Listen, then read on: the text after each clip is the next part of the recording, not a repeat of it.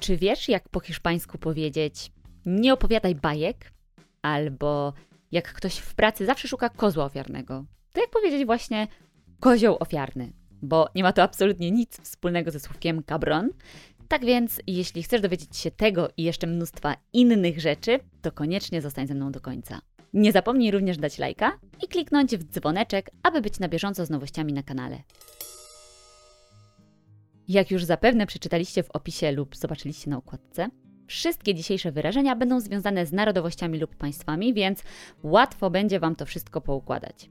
Jeżeli chodzi o język polski, to niestety, albo istety, nie będziemy tego mogli przetłumaczyć jeden do jednego. Powiedziałam stety, ponieważ wychodzę z założenia, że jeśli coś nie jest dokładnie takie samo w języku polskim i hiszpańskim, to może i trudniej nam to zapamiętać i się tego nauczyć, ale dzięki temu jest też dużo, dużo ciekawsze. Tak więc wyrażenie numer jeden hacerse el sueco.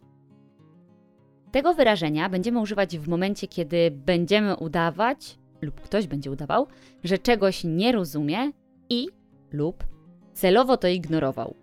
To jest tak na przykład, jak macie rodzeństwo i ono coś zrobi, a później rżnie głupa, że nie wie o co chodzi. Na przykład, pociągnie za mocno za klamkę od drzwi od łazienki, klamka się zepsuje, ale ta osoba od razu zamiast powiedzieć co się stało, ułoży tę klamkę tak jak gdyby nigdy nic i poczeka aż ktoś inny za nią pociągnie. Klamka znowu się urwie, i ta osoba, która w danym momencie ciągnęła za nią, pomyśli, że to jej wina, no to będzie udawać, że mm, nic się przecież nie stało, to nie jej wina. I niby głupi przykład, ale z życia wzięty. Znacie takie osoby, co se hacen el sueco? Jeśli tak, to możecie mi napisać o nich e, lub o jakichś waszych przeżyciach w komentarzach.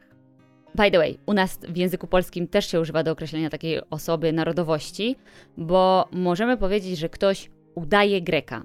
Ale chyba w dzisiejszych czasach już mało kto tak mówi i częściej słyszymy nierżni albo nierżnąć, tak ogólnie głupa. Nierżnąć głupa, czyli ty nierżni głupa. I na sam koniec hiszpański przykład. Cuando mi hermano rompió el jarrón de mamá, se hizo el sueco y fingió que no sabía nada. Czyli, kiedy mój brat stłukł wazon mamy, zaczął udawać Greka, albo zaczął rżnąć głupa i udawał, że nic się nie stało, w sensie, że nic nie wie, nic o tym nie wie. Wyrażenie numer dwa. Ser cabeza de turco. Jeśli chcielibyśmy dosłownie przetłumaczyć to wyrażenie, to mamy być głową Turka, nic nam to nie mówi. Ale kiedy z tej tureckiej głowy zrobimy naszego polskiego kozła ofiarnego, no to już jest nieco jaśniej. Ja wiem, że czasami te wyrażenia są mega, nazwijmy to rasistowskie i nieładne, ale niestety takie one są i nie musimy ich używać, jeśli nam się nie podobają, ale mimo wszystko warto je znać. To tak jak z przekleństwami. Jeśli ktoś nam powie me cago en la leche albo me cago en Dios, no to nie rozumiejąc, że jest to przekleństwo, brzmi to dziwnie, co nie? Ale kiedy wiemy, że te wyrażenia oznaczają takie no to zmienia to nasze postrzeganie ludzi, którzy właśnie tego wyrażenia użyli. I tak samo będzie tutaj. Bardzo ciekawe jest, skąd w języku polskim wzięło się to wyrażenie. Otóż, kozioł ofiarny to wyrażenie, które ma swoje źródło w tradycji judaistycznej. W święto Jom Kippur, wybaczcie, jeśli to źle przeczytałam, kapłan, który znajdował się w świątyni jerozolimskiej, kładł rękę na głowie wybranego kozła, na którego przynosił winy całego ludu.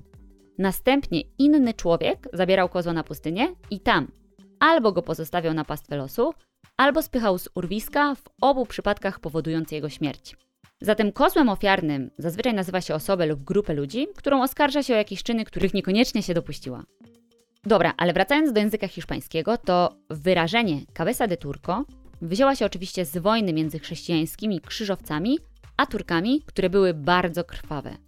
Chodziło o to, że kiedy wróg został schwytany, jeśli nie był wybitnym człowiekiem, zwykle odcinano mu głowę. Mega brutalne, ale tak właśnie było.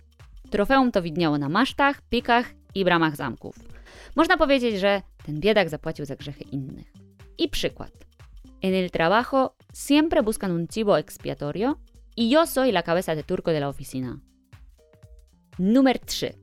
Ser un cuento chino. Wydaje mi się, że to wyrażenie jest dosyć popularne i wielu z Was je zna, niemniej jednak postanowiłam je tutaj dodać, bo ja spotkałam się z nim wielokrotnie. Ser un cuento chino to takie bajkopisarstwo. Czyli jak powiem no me cuentes cuentos chinos, to będzie oznaczało nie opowiadaj mi bajek. I co jest bardzo ciekawe, to teorie pochodzenia tego wyrażenia. Jedna z teorii sięga czasów Marco Polo. Jak wiecie, on i wielu innych podróżowało do Chin, a kiedy wracali, opowiadali fantastyczne historie o dziwnych zwierzętach i niesamowitych cudach znajdujących się na tych ziemiach. No i oczywiście wszyscy wiedzieli, że te historie są nieco przesadzone. A druga teoria, która zaprzecza pierwszej z racji tego, że twierdzi, że to wyrażenie nie może być tak stare jak czasy Marco Polo, mówi o tym, że niektóre hiszpańskie firmy wyjechały do Chin w XIX wieku w poszukiwaniu taniej siły roboczej. Hiszpania i Wielka Brytania zdecydowały się na zniesienie handlu niewolnikami, a Chiny przeżywały w tym czasie kryzys gospodarczy. Hiszpanie zatem obiecali im mieszkania, żywność, złoto, jeśli chińscy robotnicy pojadą z nimi na Kubę. Ale jak już się domyślacie, rzeczywistość była zupełnie inna. A wy jak myślicie, która z historii powstania tego wyrażenia jest bardziej prawdopodobna? Wy oczywiście zostawiacie komentarz, a ja podaję przykład. Me dijiste que el perro se comió la tarea, pero eso es un cuento chino que nadie se cree. Czyli powiedziałeś lub powiedziałaś mi, że pies zjadł ci zadanie domowe, ale to ściema, w którą nikt ci nie uwierzy. Taki klasyk szkolny. Ciekawe, jakie wymówki mają teraz uczniowie. A może już ich w ogóle nie potrzebują? Hm? Numer 4. De Guatemala a Guatepeor. Zanim jednak opowiem Wam trochę o tym wyrażeniu. Hola, hola, hola, nazywam się Adriana Wisłocka i jestem miłośniczką języka i kultury hiszpańskiej. Jeżeli Ciebie również kręci ten kraj i chciałbyś czy chciałabyś zacząć uczyć się tego wspaniałego języka, to koniecznie zapisz się do Akademii Insta Hiszpański. Więcej info na www.instahiszpański.com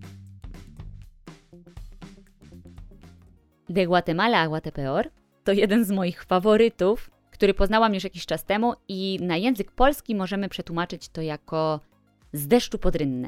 Czyli kiedy jakieś rzeczy idą źle, a później jeszcze gorzej.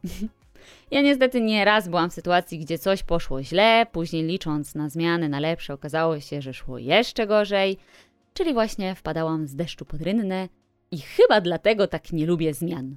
A wy lubicie zmiany? Co do tego hiszpańskiego wyrażenia, to lubię go, ponieważ została tutaj zastosowana gra słowna.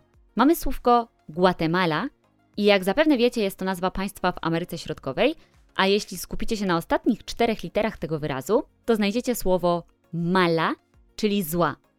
Natomiast kolejny wyraz, Guatepeor, który oczywiście nie istnieje, ale doskonale się go rozumie, również ze względu na ostatnie cztery litery, peor, które oznaczają gorzej.